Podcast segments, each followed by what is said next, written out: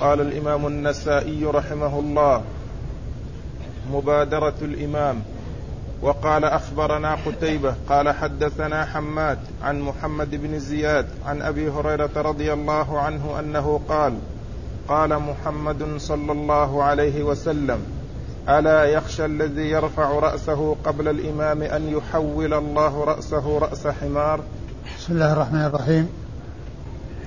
الحمد لله رب العالمين وصلى الله وسلم وبارك على عبده ورسوله نبينا محمد وعلى آله وأصحابه أجمعين. أما بعد يقول النسائي رحمه الله مبادرة الإمام. المقصود من هذه الترجمة المتابعة للإمام في حركاته حين يركع ويسجد ويرفع فإن المأموم يتابعه فلا يسابقه ولا يوافقه ولا يتأخر عنه. وإنما يأتي بعده مباشرة وبدون فصل وهذا هو معنى المبادرة والمتابعة. إذا المراد بالمبادرة هي متابعة الإمام دون أن يسابقه أو يوافقه ودون أن يتأخر عنه كثيرا بحيث هنا يكون هناك فاصل بين عمل هذا وعمل هذا. وإنما من حين آه، يأتي الإمام بالركوع أو السجود أو الرفع أو ما إلى ذلك فإن المأموم يأتي به بعده مباشرة. ثم أورد النسائي رحمه الله حديث أبي هريرة رضي الله تعالى عنه أن النبي عليه الصلاة والسلام قال ألا يخشى الذي يرفع رأسه قبل الإمام أن يجعل الله رأسه رأس حمار؟ والمقصود من هذا أن من يفعل هذا الفعل فهو حقيق بأن يحصل له ذلك فعليه أن يخشى أن يقع يقع له ذلك. وليس فيه الإخبار بأن هذا يحصل أو أن هذا حاصل أو واقع فإن هذا إخبار عن أن من فعل ذلك فإنه حقيق بأن يحصل له ذلك الشيء فعليه أن يخشى أن آه، يفعل هذا الفعل الذي قد يعاقب الله عز وجل عليه بهذه العقوبة. وقوله عليه الصلاة والسلام ألا يخشى الذي يرفع رأسه قبل الإمام أن يحول الله رأسه رأس حمار؟ آه وذلك في, آه الرفع قبل الإمام من السجود والركوع. وقد جاء في سنن أبي داود من السجود. يرفع رأسه آه آه، يرفع رأسه آه، من السجود يعني قبل الإمام أن يجعل الله رأسه رأس حمار أو يحول الله رأسه رأس حمار. ومثله الركوع. وإنما وإنما حذر وخوف من أن تحصل له هذه العقوبة وأن تكون تحصل لرأسه ذلك أن الجناية إنما حصلت بالرأس. الجناية والفعل المحرم الذي حصل في الصلاة هو رفع الرأس قبل الإمام. فألا يخشى الذي يفعل هذا أن يرفع رأسه قبل الإمام أن يحول الله رأسه رأس حمار فتكون العقوبة إنما هي في الرأس لأنه هو الذي حصلت منه الجناية. العقوبة تحصل للرأس بأن يمسخ وذلك لأنه حصلت منه الجناية. والحديث يدل على الوعيد الشديد في آه، مسابقة الإمام والرفع قبله من الركوع أو السجود أو مسابقته وكذلك موافقته إلا أن الموافقة أه-، أه-، أهون من المسابقة والكل لا يسوق ولا يجوز بل الواجب هو المتابعة. والمبادرة بأن يفعل المأموم بعد فعل إمامه مباشرة. وقد جاء عن بعض العلماء أنه قال إن الذي يدفع الإنسان إلى أن يسابق الإمام هو الاستعجال. ودواء هذا أن يعلم بأنه لن ينصرف قبل سلام الإمام فلا حاجة إلى هذا الاستعجال. ما دام أنه سيستمر مع الإمام حتى يسلم ولن يخرج من صلاته قبل سلام إمامه إذا هذا الاستعجال لا فائدة من ورائه وعليه أن يحذر هذا العمل الذي يضر بصلاته ولا يحصل من ورائه فائدة ولا يحصل من ورائه فائدة. آه، أما إسناد الحديث فيقول النسائي أخبرنا قتيبة وقتيبة هو ابن سعيد ابن جميل ابن طريف البغلاني وبغلان هي قرية من قرى بلخ وهو ثقة ثبت خرج حديثه أصحاب الكتب الستة. ويروي عن حماد وهو غير منسوب. يروي عن حماد وهو غير منسوب. ويشترك في هذا الاسم اثنان في طبقة واحدة وقد اشترك في كثير من الشيوخ وكثير من التلاميذ وهما حماد بن زيد وحماد بن سلمة. حماد بن زيد بن درهم وحماد بن سلمة بن دينار وهما بصريان واشترك في كثير من الشيوخ والتلاميذ. ويحتمل أن يكون آه، في كثير من المواضع حماد بن زيد وحماد بن سلمة. ويقال في بعض في تراجم بعض الشيوخ روى عنه الحمادان. روى عنه الحمادان. وكذلك بالنسبة آه، آه، للتلاميذ الذين رووا عنه يقولون روى عن بالنسبة لتلاميذ يقول روى عن الحمادين. وبالنسبة للشيوخ يقول روى بالنسبة للتلاميذ روى عنه الحمادان وبالنسبة للشيوخ روى عن الحمادين روى عن الحمادين. المقصود بذلك حماد بن زيد وحماد بن سلمة. لكن الراوي عنه هنا قتيبة بن سعيد. وقتيبة بن سعيد لا يروي إلا عن حماد بن زيد. إذا هو حماد بن زيد وليس حماد بن سلمة. لأن آآ آآ لأن قتيبة بن سعيد روايته عن حماد بن زيد. وليس له رواية في الكتب الستة عن حماد بن سلمة.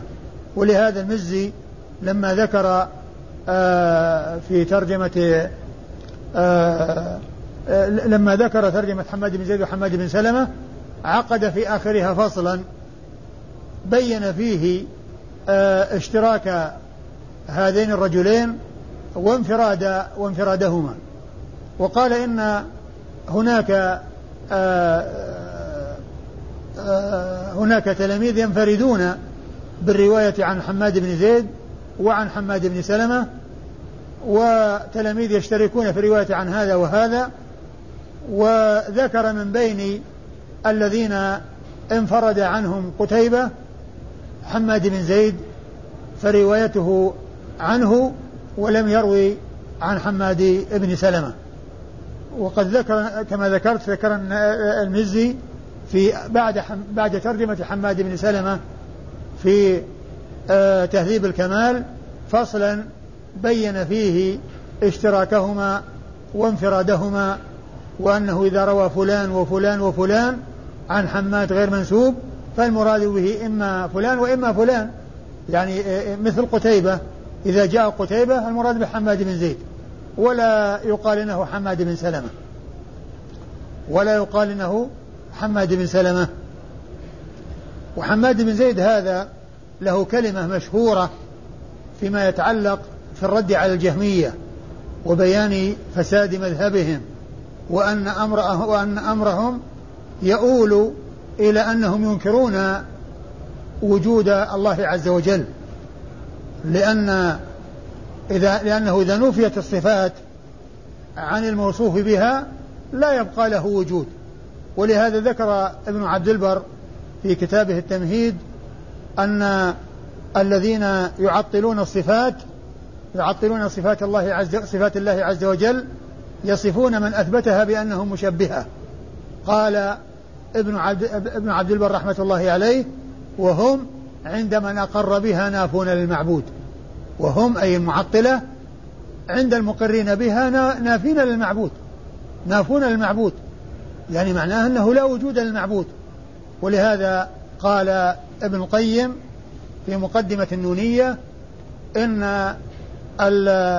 أن المعطل يعبد عدما المعطل يعبد عدما لأنه لا وجود لمعبوده لا وجود لمعبوده. آه الذهبي في كتابه العلو لما ذكر كلمة آه ابن عبد البر التي ذكرها في التمهيد وهي قوله إن المعطلة عند المثبتين للصفات نافون للمعبود عقب عليها الذهبي بقوله قلت صدق والله قلت صدق والله فإن الجهمية مثلهم كما قال حماد بن زيد الذي هو هذا. مثلهم كما قال حماد بن زيد إن جماعة قالوا في دارنا نخلة فقيل لهم ألها خوص قالوا لا. قيل لها عسب قالوا لا. ألها ساق؟ قالوا لا. ألها كذا؟ قالوا لا. وكل ما سألوهم عن صفة من صفات النخل قالوا لا. قيل إذا ما في ذلكم نخلة. ما دام أنه لا, لا عسب لها ولا ساق لها ولا قوس لها ولا كذا إذا ما في ذلكم نخلة. فكذلك الجهمية الذي يقول الله ليس بكذا وليس بكذا وليس بكذا إذا لا وجود له. ما بقي لهم معبود. ولهذا يقول ابن القيم أن المعطل يعبد عدما. أن المعطل يعبد عدما. والمشبه يعبد صنما. لأن الله عز وجل لا يشبه شيء من خلقه. فهو موجود ووجوده آه، صفاته وصفاته تليق به وصفات المخلوقين تليق بهم.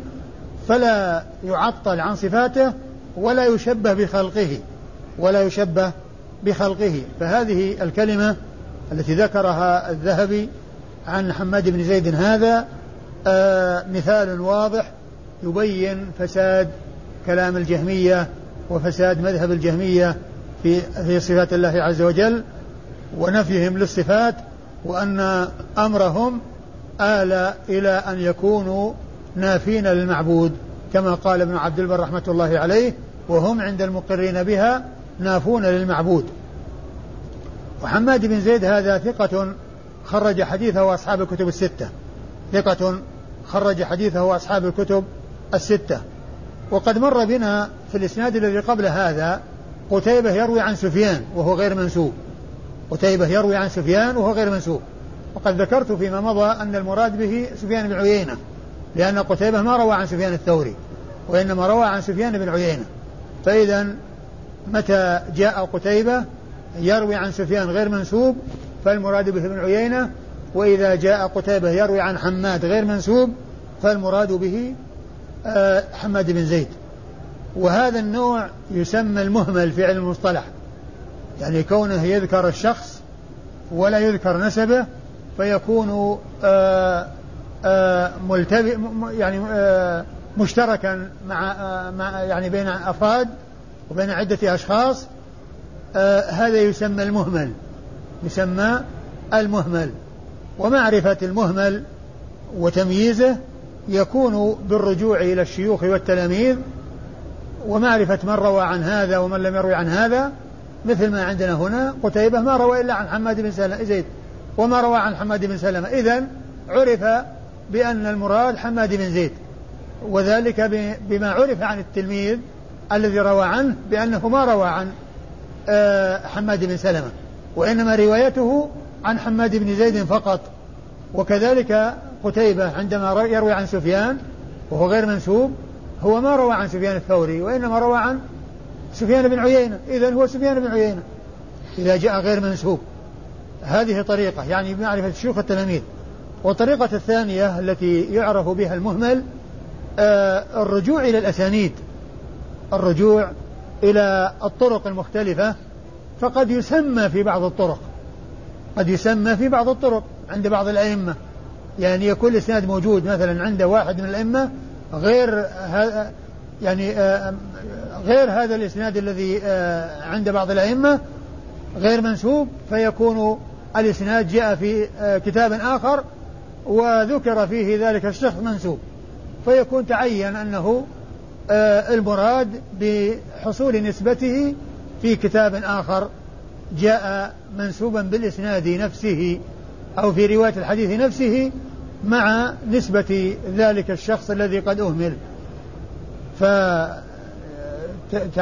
تعيين المهمل يكون بمعرفة الشيوخ والتلاميذ من حيث أن هذا روى عن هذا ولم يروى عن هذا أو أن هذا مكثر عن هذا ومقل عن هذا أو أن هذا من بلد هذا وهذا ليس من بلد هذا فيحمل على من يكون له به خصيصة أو يكون آه، أو يكون مصرحا بنسبته في إسناد آه، من الأسانيد أسانيد الحديث جاءت في كتاب آخر أو في نفس الكتاب لأنه قد يكون في نفس الكتاب عند المصنف عند مصنف المصنفين في إسناد ينسبه وفي إسناد لا ينسبه.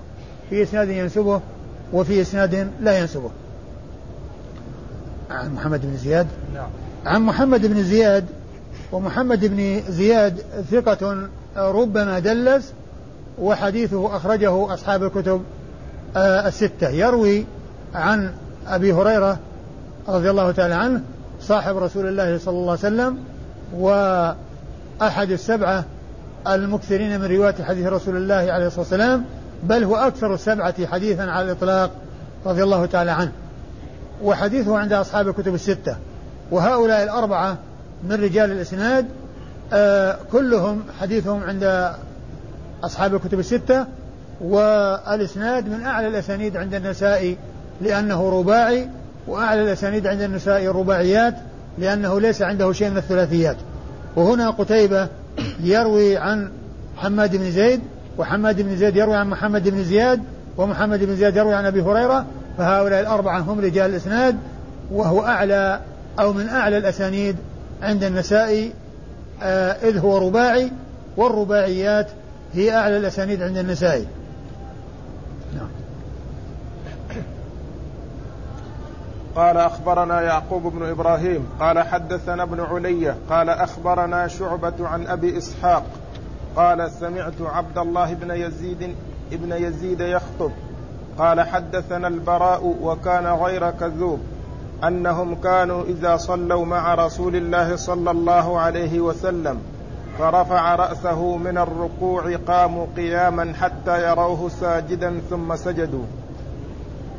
ثم أورد النسائي حديث آه البراء بن عازب رضي الله تعالى عنه رضي الله تعالى عنهما آه ان أن الرسول صلى الله عليه وسلم أن أصحاب الرسول عليه الصلاة والسلام إذا كانوا اذا اذا إذا قاموا من الركوع قاموا قياما فلا يسجدون حتى يروا حتى يروه قد سجد.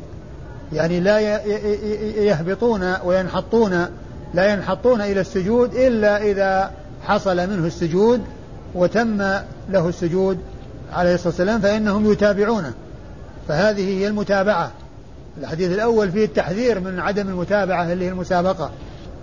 وهنا بيان المتابعة والمبادرة وهي أنه إذا فعل الإمام فعلا من أفعال الصلاة يتبعه المأموم مباشرة وبدون فصل فلا يسابقه ولا يوافقه ولا يتأخر عنه وإنما يأتي بعده مباشرة الذي هو المتابعة والمبادرة.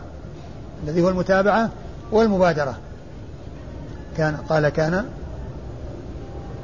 قال أنهم كانوا إذا صلوا مع رسول الله صلى الله عليه وسلم فرفع رأسه من الركوع قاموا قياما حتى يروه ساجدا ثم سجدوا.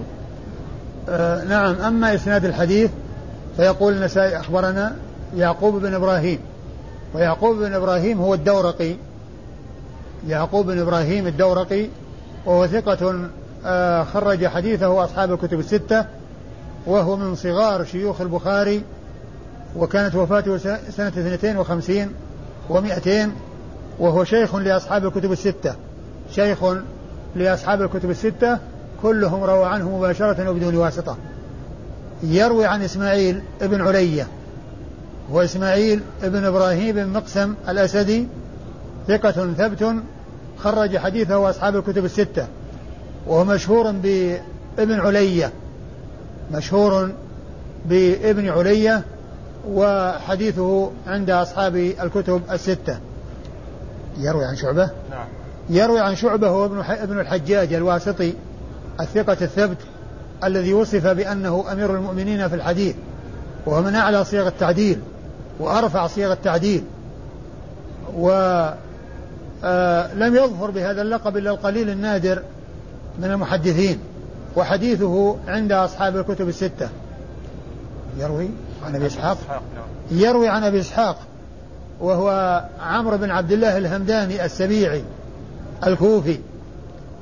عمرو بن عبد الله الهمداني السبيعي وهمدان آه نسبة عامة والسبيعي والسبيع نسبة خاصة لأن السبيع جزء من همدان. وهو مشهور بالنسبة الخاصة. أبو إسحاق السبيعي. أبو إسحاق السبيعي يأتي بنسبته ويأتي بكنيته. ومشهور بكنيته ومشهور بنسبته الخاصة التي هي السبيعي. وسبيع جزء من همدان. سبيع جزء من همدان. و أبو إسحاق هذا هو عمرو بن عبد الله الهمداني السبيعي. وهو ثقة آه، خرج حديثه أصحاب الكتب الستة. يروي عن عبد الله ابن يزيد وهو الخطمي الأنصاري وهو صحابي صغير. كان أميرا على الكوفة لابن الزبير. وكان يخطب الناس على المنبر وذكر هذا الحديث في خطبته يرويه عن البراء بن عازب وهو صحابي ابن صحابي يروي عن صحابي ابن صحابي لأن عبد الله بن يزيد هو أبوه صحابيان والبراء بن عازب هو وأبوه صحابيان فالحديث من رواية صحابي ابن صحابي عن صحابي ابن صحابي. وعبد الله بن يزيد هذا خرج حديثه أصحاب الكتب الستة. يروي عن البراء بن عازب صاحب رسول الله صلى الله عليه وسلم وحديثه عند أصحاب الكتب الستة. وهذا الإسناد رجاله كلهم خرج لهم أصحاب الكتب الستة. يعقوب بن إبراهيم الدورقي و وإسماعيل بن علية وشعبة بن الحجاج وأبو إسحاق السبيعي وعبد الله بن يزيد الخطمي الأنصاري والبراء بن عازب. هؤلاء الستة كلهم خرج حديثهم أصحاب الكتب الستة. قوله وكان غير كذوب. قوله قوله وكان غير كذوب هذه التي الذي قالها هو عبد الله بن يزيد. والمقصود منها التوثق وليس المقصود منها التعديل لأن أصحاب رسول الله عليه الصلاة والسلام لا يحتاجون إلى تعديل المعدلين. بعد أن عدلهم الله ورسوله بعد أن أثنى عليهم الله ورسوله أثنى الله عليهم في كتابه ورسوله صلى الله عليه وسلم في سنته لا يحتاجون بعد تعديل الله عز وجل ورسوله إلى تعديل المعدلين وتوثيق الموثقين بل يكفي الواحد منهم أن يقال عنه أنه صحابي فلا يحتاج إلى أن يضاف إليها شيء. لا يحتاج إلى أن يضاف إليه شيء ما دام حصلت الصحبة آه له. وكلمة غير كذوب ليس المقصود منها آه يعني التعديل لأن الصحابة لا يحتاجون إلى تعديل أحد بعد أن عدلهم الله ورسوله وإنما المقصود من ذلك آه يعني آه زيادة التوثيق وأن الذي حدث بهذا غير كذوب. وهذا من جنس آه ما جاء في الحديث حدث رجال مرضيون وأرضاهم عندي عمر وكذلك قول عبد الله بن مسعود حدثنا الرسول صلى الله عليه وسلم وهو الصادق المصدوق وهو الصادق المصدوق. فكلمة الصادق المصدوق هي ثناء ثناء وتعظيم وليس المقصود وليس المقصود من, من قوله غير كذوب أن هذا تعديل له وإنما هو ثناء عليه وبيان أن ما يأتي عنه أنه آه، ما هو إلا صدق وما هو إلا حق ثابت عن رسول الله صلوات الله وسلامه وبركاته عليه.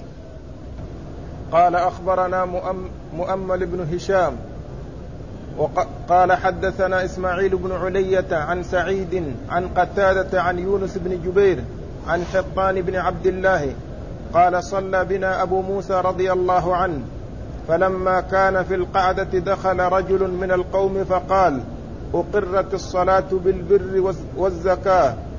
فلما سلم أبو موسى أقبل على القوم فقال أيكم القائل هذه الكلمة؟ فأرم القوم. قال يا حطان لعلك قلتها. قال لا وقد خشيت أن تبكعني بها. فقال إن رسول الله صلى الله عليه وسلم كان يعلمنا صلاتنا وسنتنا فقال إنما الإمام ليؤتم به. فإذا كبر فكبروا. وإذا قال غير المغضوب عليهم ولا الضالين فقولوا آمين. يجبكم الله. وإذا ركع فاركعوا. وإذا رفع فقال سمع الله لمن حمده. فقولوا ربنا لك الحمد. يسمع الله لكم. وإذا سجد فاسجدوا. وإذا رفع فارفعوا. فإن الإمام يسجد قبلكم ويرفع قبلكم. قال رسول الله صلى الله عليه وسلم فتلك بتلك. ثم ورد النسائي آه، حديث أبي موسى. حديث أبي موسى الأشعري رضي الله تعالى عنه آه، أن النبي عليه الصلاة والسلام قال إنما جعل الإمام ليؤتم به فإذا كبر فكبروا وإذا ركع فاركعوا وإذا قال المغضوب عليهم الضالين فقولوا آمين آه يستجيب لكم. وإذا وإذا قال سمع الله وإذا قال سمع الله من الحمد فقول ربنا ولك الحمد يجيبكم يجيبكم الله. يسمع الله لكم. يسمع الله لكم. وإذا قال سمع الله لمن حمده فقول ربنا ولك الحمد يسمع الله لكم. الحاصل أن الحديث آه، جمله وفقراته تدل على ما ترجم له وهي متابعة الإمام والمبادرة بمتابعة الإمام. إن إذا كبر فكبروا وإذا ركع فاركعوا وإذا سجد فاسجدوا وإذا قال سمع الله فقول يعني معناه أنكم تفعلون هذه الأفعال بعد بعد الإمام مباشرة. تفعلونها بعد الإمام مباشرة. فلا توافقون ولا تسابقون ولا تتأخرون آه كثيرا. بل تأتون بالأفعال بعده مباشرة. بل تأتون بالأفعال بعده مباشرة. وقوله إنما جعل الإمام ليؤتم به جملة فسرتها الجمل التي بعدها. فسرتها الجمل التي بعدها والمراد بذلك المتابعة في الظاهر المتابعة في الأمور الظاهرة. بخلاف الأمور الباطنة مثل النية فإنه لا مانع من أن يحصل اختلاف بين الإمام والمأموم في النية بأن يكون هذا يصلي فرض وهذا يصلي نفل أو هذا يصلي نفل وهذا يصلي فرض. لأن صلاة المفترض خلف المتنفل والمتنفل خلف المفترض كلها جاءت بها السنة. وإنما المقصود بالائتمام به يعني في الأفعال الظاهرة ركوع سجود جلوس يعني لا يسبق لا يسابقه ولا يوافقه ولا آه، يتأخر عنه كثيرا وإنما يأتي بعده مباشرة وإنما يأتي بعده مباشرة. هذا هو المقصود بال وكذلك أيضا لا يدخل تحت ذلك أيضا آه، موافقته فيما إذا ترك آه، الإمام سنة من السنن ثابتة عن رسول الله عليه الصلاة والسلام بأن يكون لا يرفع الإمام يديه عند الركوع وعند الرفع منه وعند القيام من التشهد الأول وكلها ثبتت بها السنة المأموم يفعل هذا ولا لم يفعل الإمام. ولا يقال إنه مخالف لإمامه لأن هذا ثبت به السنة. هذا ثبتت به السنة وهو متابع لإمامه بالحركات. يعني بحيث إنه يعني آه، لا يتقدم ولا يتأخر. وكذلك إذا كان الإمام لا يضع اليد اليمنى على اليسرى هو يضع اليمنى على اليسرى. يضع اليمنى على اليسرى. ولا مانع من ذلك. وليس من شأن المأموم أن يأتي ويبحث عن الإمام إيش رأيه في المسألة الفلانية وإيش رأيه في المسألة الفلانية حتى يتابعه. وإنما المقصود المتابعة في الأركان والركوع والسجود والرفع والخفض وما إلى ذلك. أما الهيئات التي هي أمور مستحبة وثابتة بها سنة فالإنسان يفعلها سواء فعلها الإمام ولا ما فعلها الإمام. سواء فعلها الإمام وما فعلها الإمام. آه، تعيد الحديث من أوله. عن حطان بن عبد الله قال صلى بنا أبو موسى فلما كان في القعدة دخل رجل من القوم فقال أقرت الصلاة بالبر والزكاة. آه صلى أبو موسى الأشعري رضي الله عنه. فلما كان في القاعدة يعني في التشهد يعني في القاعدة يعني في الجلوس للتشهد قال رجل أقر أقرت الصلاة بالبر والزكاة. ومعنى أقرت قيل أنها آه، قرت واستقرت يعني آه، مرتبطة بالبر والزكاة وقيل إنها مقرونة بها قرنت بها. ولا شك أن الزكاة هي مقرونة في الصلاة وكثيرا ما يأتي الجمع بين الصلاة والزكاة في كتاب الله عز وجل وسنة رسوله صلوات الله وسلامه وبركاته عليه. وهنا قال آه دخل رجل من القوم فقال وجاء في صحيح والحديث جاء في صحيح مسلم وقال فيه أبو موسى أنكم ألا تعلمون ما تقولون في صلاتكم؟ فكأنه قال هذا كأن ذلك الرجل قالها وهو في التشهد. كأنه قالها وهو في التشهد. ولهذا يعني بين التش... قال إن, أن النبي وسلم علمنا صلاتنا وسنتنا. وبين أنه إذا كان في القعدة أنه يقرأ التشهد. أنه يأتي بالتشهد التحيات لله والصلوات والطيبات إلى آخره ف و... و... إيش بعده؟ وقال أقرت الصلاة بالبر والزكاة فلما سلم أبو موسى أقبل على القوم فقال أيكم القائل هذه الكلمة؟ لما سلم أبو موسى وفرغ من الصلاة أقبل على القوم أيكم الذي قال هذه الكلمة التي هي أقرت الصلاة بالبر والزكاة؟ فأرم القوم يعني سكتوا ولم يجيبوا بشيء كلهم سكتوا. فقال لعلك قلتها يا حطان. فقال ما قلتها وقد خشيت أن تبكعني بها. يعني آه توقعت أنك تتهمني وأنك آه توبخني أو أنك تقابلني بها. ففي صحيح مسلم قال رجل من القوم يعني في صحيح مسلم فقال رجل من القوم أنا قلتها وما أردت إلا الخير. أنا قلتها وما أردت إلا الخير في صحيح مسلم. فقال أبو موسى رضي الله عنه آه، ألا تعلمون ما تقولون في صلاتكم؟ إن النبي صلى الله عليه وسلم علمنا صلاتنا وسنتنا ثم ذكر الحديث. إنما جعل من ليتم به وفي آخره. قال وإذا كان في القعدة فيقول التحيات لله والصلاة والطيبات إلى آخره. نعم. وأرم معنى سكتوا ولم يجيبوا. وتبكعني يعني أنك تواجهني بما أكره. أو توبخني أو آآ آه، آآ آه، تتهمني بأنني قلتها. أيوة. فقال إن رسول الله صلى الله عليه وسلم كان يعلمنا صلاتنا وسنتنا. فقال إنما الإمام ليؤتم به. نعم. فإذا كبر فكبروا وإذا قال غير المغضوب عليهم ولا الضالين فقولوا آمين يجبكم الله. وقوله هنا وإذا قال غير المغضوب عليهم ولا الضالين فقولوا آمين يجبكم الله. هذا فيه دليل على أن المأموم يقول آمين بعدما يفرغ الإمام من ولا الضالين. ولا يتأخر. قد جاء في بعض الأحاديث وإذا أمن فأمنوا.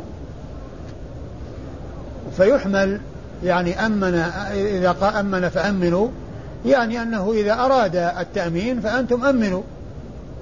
حتى يتفق مع قوله وإذا قال غير المغضوب عليهم ولا الضالين فقولوا آمين. وأحيانا يأتي ذكر الشيء يراد به الإرادة. يعني إذا قمتم إلى الصلاة يعني أردتم القيام إلى الصلاة. يعني إذا قمتم إلى الصلاة فاغسلوا وجوهكم. يعني إذا أردتم القيام. إذا أردتم القيام إذا قمت أردتم القيام. فيفسر قوله أمن فأمنوا بمعنى أنه أراد التأمين وذلك بأنه من حين ما يقول الضالين يقول آمين. أنتم أيضا تقولون آمين. ولهذا قال وإذا قال غير المغضوب عليهم الضالين فقولوا آمين يجيبكم الله. وقوله يجيبكم الله لأن آمين اللهم استجب معناها. معنى آمين اللهم استجب. هذا هو معنى كلمة آمين. يجيبكم الله يعني آه يجيب دعاءكم. حيث قلتم آمين التي معناها اللهم استجب. يجيبكم الله. أيوة. ثم قال وإذا ركع فاركعوا وإذا رفع فقال سمع الله لمن حمده. فقولوا ربنا لك الحمد يسمع الله لكم. وإذا وإذا رفع رأسه من الركوع وقال سمع الله لمن حمده فقولوا ربنا ولك الحمد يسمع الله لكم. فقولوا ربنا ولك الحمد ربنا لك الحمد يسمع الله لكم. وهذا يدل على أن المأموم لا يقول سمع الله لمن حمده. لأنه قال وإذا قال سمع الله لمن حمده فقولوا ربنا لك الحمد. لأنه أخبرهم بأن إذا قال هذا أنتم قولوا هذا. فلو كان يقول سمع الله لمن حمده لقال وإذا قال سمع الله لمن فقولوا سمع الله لمن حمده. وإذا قال سمع الله لمن حمده فقولوا سمع الله لمن حمده. لكنه قال وإذا قال سمع الله لمن حمده فقولوا ربنا لك الحمد. فمعنى هذا أن الإمام المأموم لا يقول سمع الله لمن حمده. وبعض العلماء يقول بأن المأموم يقول سمع الله لمن حمده ويستدل على ذلك بعموم قوله صلى الله عليه وسلم صلوا كما رأيتموني يصلي وهو يقول سمع الله لمن حمده وهو يقول سمع الله لمن حمده. لكن هذا الحديث الذي معنا واضح لأن ذاك عام وهذا مفصل. يعني ذاك عام وهذا مفصل. والتفصيل فيه وإذا قال سمع الله لمن حمده فقولوا ربنا لك الحمد. ومعنى سمع الله لمن حمده استجاب. سمع الله لمن حمده استجاب لأن سمع تأتي بمعنى السمع الذي هي سماع الصوت وتأتي بمعنى الاستجابة. وهنا بمعنى الاستجابة. وهنا بمعنى الاستجابة. يعني آه، ولهذا قال يجيبكم الله. وإذا قال فقولوا ربنا لك الحمد يجيبكم الله. وهناك كلمة مأثورة عن بعض السلف في حق معاوية رضي الله عنه يعني تدل على فضله ونبله وذلك أن بعض السلف قيل له ماذا تقول في معاوية؟ فقال ماذا أقول في رجل صلى خلف رسول الله صلى الله عليه وسلم؟ فقال رسول الله صلى الله عليه وسلم في الصلاة سمع الله لمن حمده؟ فقال معاوية وراءه ربنا لك الحمد. ماذا أقول في رجل صلى خلف رسول الله صلى الله عليه وسلم فقال رسول الله صلى الله عليه وسلم في الصلاة سمع الله لمن حمده فقال وراءه معاوية ربنا ولك الحمد ربنا ولك الحمد الرسول قال سمع الله لمن حمده ومعاوية يقول وراءه ربنا لك الحمد والحديث يقول يجيبكم الله يجيبكم الله يعني أن أن آه، سمع الله يعني استجاب الله لمن حمده. سمع الله لمن حمده يعني استجاب الله لمن حمده. قال وإذا سجد فاسجدوا وإذا رفع فارفعوا فإن الإمام يسجد قبلكم ويرفع قبلكم. قال رسول الله صلى الله عليه وسلم فتلك بتلك. وإذا سجد فاسجدوا وإذا رفع فارفعوا. ثم قال فتلك بتلك. يعني أن الإمام يسبقكم في الرفع من السجود. فهذا الذي سبقكم في الرفع يعني آه هو سبقكم في السجود وأنتم جئتم وراءه مباشرة فسبقكم بوقت يسير جدا فيقابله أنكم تتأخرون بعده عندما يرفع. فتلك بتلك. يعني معناها أنتم مماثلون له. إلا أنه سبقكم في السجود وسبقكم في الرفع. وأنتم لحقتموه في السجود ثم لحقتموه في الرفع. فالجزء الذي سبقكم به أنتم حصلتم مقابله أنكم تأخرتم وراءه عندما يرفع. يعني بمقدار آه، آه، رفعه. فصرتم مماثلين له في المقدار. مماثلين له في المقدار. وهو يسبقكم وأنتم تلحقونه لكن لا تفاوت بينكم في مقدار السجود. لأنه يسجد قبلكم ويرفع قبلكم وأنتم تسجدون وراءه وترفعون وراءه إذا أنتم مساوون له. فتلك بتلك. يعني هذا الذي سبقكم به في السجود يقابله أنكم تأخرتم بعده في الرفع من السجود إذا أنتم مماثلون له تماما. فهذا هو معنى تلك بتلك. أيوة. أخبرنا مؤمل بن هشام. الإسناد يقول أخبرنا مؤمل بن هشام. مؤمل بن هشام أبو هشام. اسمه أو كنيته توافق اسم أبيه. وهذا كما ذكرت مرارا وتكرارا من أنواع علوم الحديث وفائدة معرفته ألا يظن فيه تصحيف. لو قيل أخبرنا مؤمل أبو هشام بدل مؤمل بن هشام هو صواب ليس ب... ليس بتصحيف لأنه هو أبو هشام وهو ابن هشام. فلا تصحيف وإذا جاء ابن هشام فهو صواب وإذا جاء أبو هشام فهو صواب. وهو ثقة خرج حديثه البخاري وأبو داود والنسائي. البخاري وأبو داود والنسائي.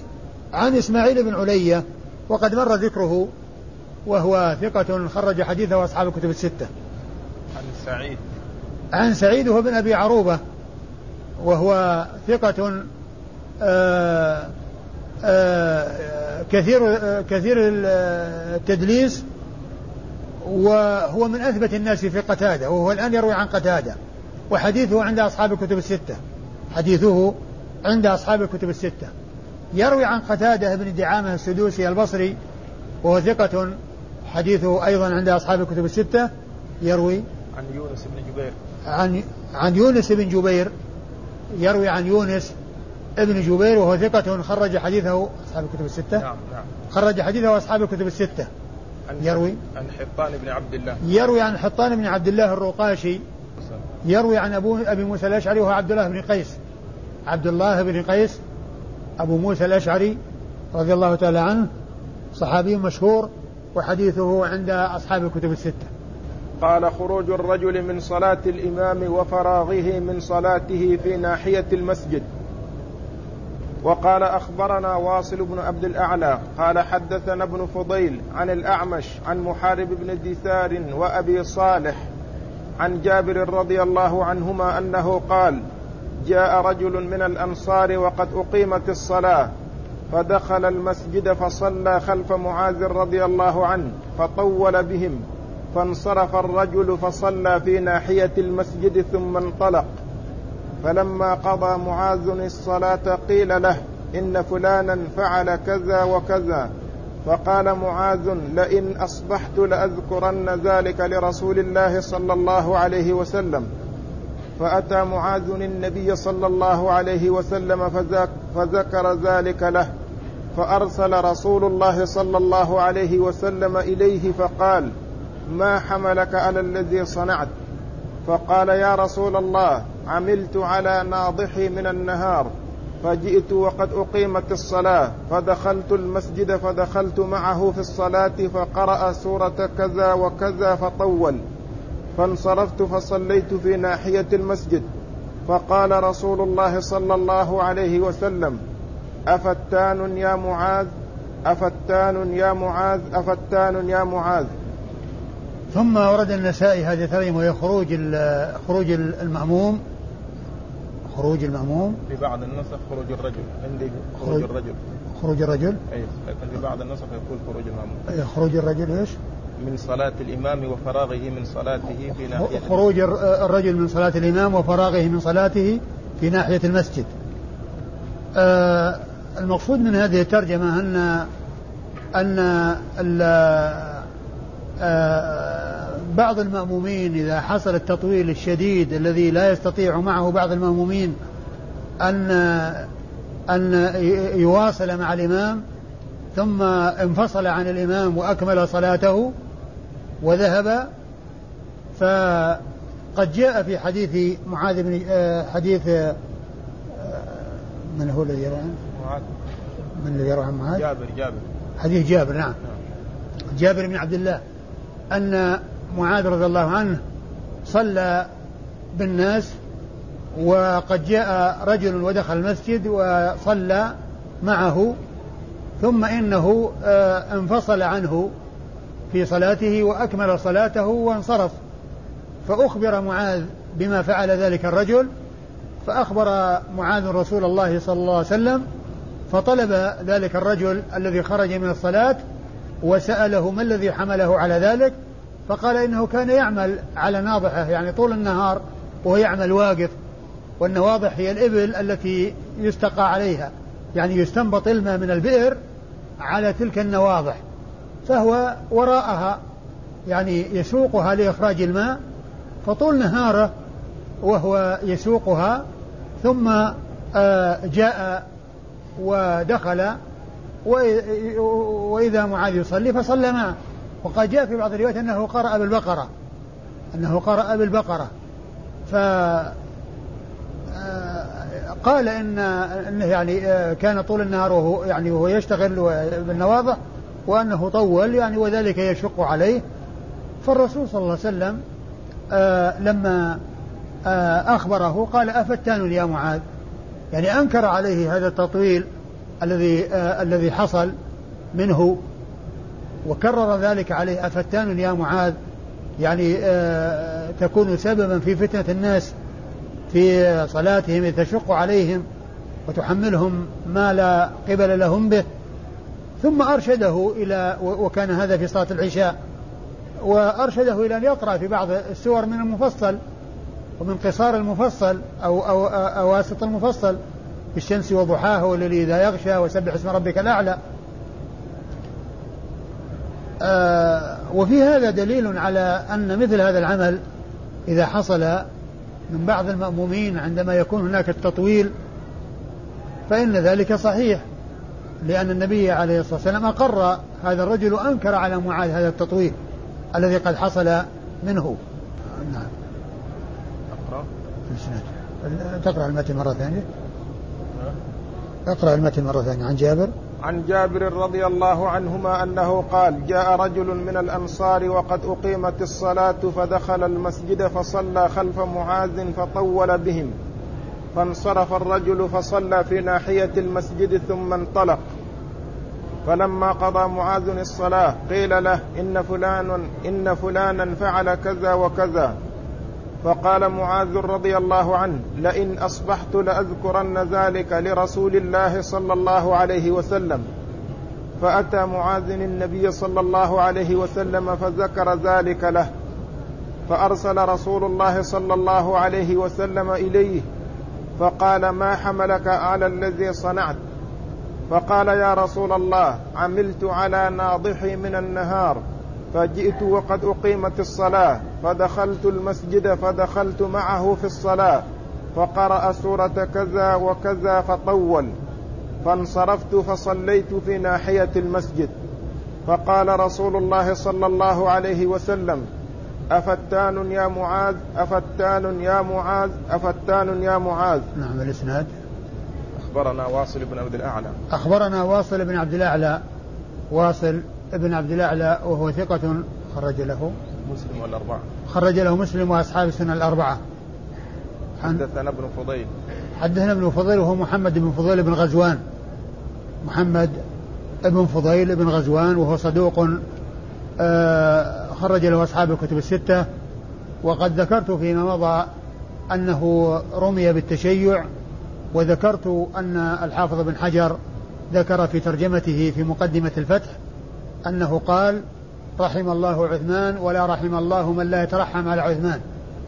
ومثل هذا لا يقوله آه، الرافضة بل هم يسبون عثمان ولا يترحمون عليه ولا رحم الله من لا يترحم عليه.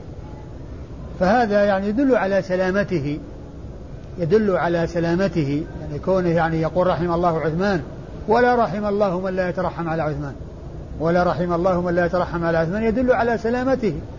لكن التشيع آه الذي يضاف إلى بعض العلماء آه منه آه تقديم أو تفضيل علي على عثمان في الفضل لا في الخلافة. أما الخلافة فمن قال إن عليا أفضل أولى منه بالخلافة ف إنه آه، عمله هذا من آه، من أعمال أهل البدع ويبدع من يفعل ذلك لأن هذا اعتراض على اتفاق الصحابة على تقديمه عليه. لكن كونه يقال أن علي أفضل من من عثمان هذا قال به بعض السلف مثل ابن جرير ومثل الأعمش ومثل عبد الرزاق ويعني آه، ومثل عبد الرحمن بن أبي حاتم قالوا أن عليا أفضل من عثمان وإن كان جمهور أهل السنة على أن عثمان أفضل لكن مثل هذه لا يبدع بها ولا يعني تؤثر. والذهبي رحمه الله في كتابه الميزان أورد أسماء أشخاص ثقات ليس إراده إياهم لضعف فيهم بل ليدافع عنهم وأن يبين أن ما أضيف إليهم ليس عيبا ولا يستحقون أن يعابوا به. وكان من جملة ما ذكر في ترجمة عبد الرحمن بن أبي حاتم في الميزان قال أورده أبو الفضل السليماني في كتابه الضعفاء فبئس ما صنع. فبئس ما صنع. عبد الرحمن بن أبي حاتم إمام بالإمام. والكلام الذي فيه قال إنه من جهة تفضيل علي على عثمان وهذا يقول لا يؤثر. يعني هذا معروف عن بعض أهل السنة وذلك لا يقدح فيمكن أن يكون تشيع من هذا القبيل. ولهذا يقول رحمة الله عليه رحم الله عثمان ولا رحم الله من لا يترحم على عثمان. فهذا نسب إليه التشيع وهذه كلمته. ومثلها الكلمة التي ذكرتها أيضا عن أبي نعيم. الفضل بن دكين أنه قال ما كتبت علي الحفظة أني سببت معاوية. ما كتبت علي الحفظة أنني أني سببت معاوية. وسب معاوية ما من أسهل ما يكون عند الرافضة. من أسهل ما يكون عند الرافضة. بل يعني اللي هم أخف الشيعة وأعقل الشيعة كما قال يعني شيخ الإسلام ابن تيمية اللي هم الزيدية يسبون معاوية. ولا يسبون الشيخين ويسبون معاوية ويتكلمون فيه. وهذا يقول ما كتبت علي الحفظة أني سببت معاوية. يقوله الفضل بن دكين أبو نعيم. ما كتبت علي الحفظة أني سببت معاوية. يعني معنى هذا أنه سليم مما يعني أضيف إليه. والتشيع الذي فيه هو من قبيل آه يمكن تقديم عثمان علي على عثمان رضي الله تعالى عن الجميع. ومحمد بن فضيل بن غزوان صدوق خرج له أصحاب الكتب الستة. عن الأعمش. عن الأعمش وهو سليمان بن مهران الكاهلي الكوفي وهو ثقة حديثه عند أصحاب الكتب الستة أيضا وهو مشهور بلقبه الأعمش واسمه سليمان بن مهران. يأتي ذكره بالاسم ويأتي ذكره باللقب. وقد ذكرت مرارا أن من الأمور المهمة في علم المصطلح معرفة ألقاب المحدثين. وفائدة معرفتها ألا يظن الشخص الواحد شخصين. فيما ذكر مرة باسمه ومرة بلقبه. من لا يعرف يظن أن هذا غير هذا. ومن يعلم أن هذا لقب لهذا لا يلتبس عليه الأمر. أيوة. عن محارب بن عن محارب بن اندثار. وهو ثقة وهو ثقة وهو ثقة آه إمام زاهد. خرج حديثه أصحاب الكتب الستة. وأبي صالح. وأبو صالح هو ذكوان السمان. أبو صالح ذكوان السمان آه، مشهور بالرواية عن أبي هريرة وحديثه أخرجه أصحاب الكتب وهو ثقة أخرج حديثه أصحاب الكتب الستة. يروي يروي عن جابر بن عبد الله الأنصاري صاحب رسول الله عليه الصلاة والسلام صحابي ابن صحابي والده استشهد يوم أحد رضي الله تعالى عنه وعن أبيه وعن الصحابة أجمعين. وجابر بن عبد الله أحد السبعة المعروفين بكثرة الحديث عن رسول الله عليه الصلاة والسلام ورضي الله تعالى عن الصحابة أجمعين وهم الذين قال فيهم السيوطي في ألفيته والمكثرون في رواية الأثر أبو هريرة يليه بن عمر وأنس والبحر كالخدري وجابر وزوجة النبي. والله تعالى أعلم وصلى الله وسلم وبارك على عبده ورسوله نبينا محمد وعلى آله وأصحابه أجمعين.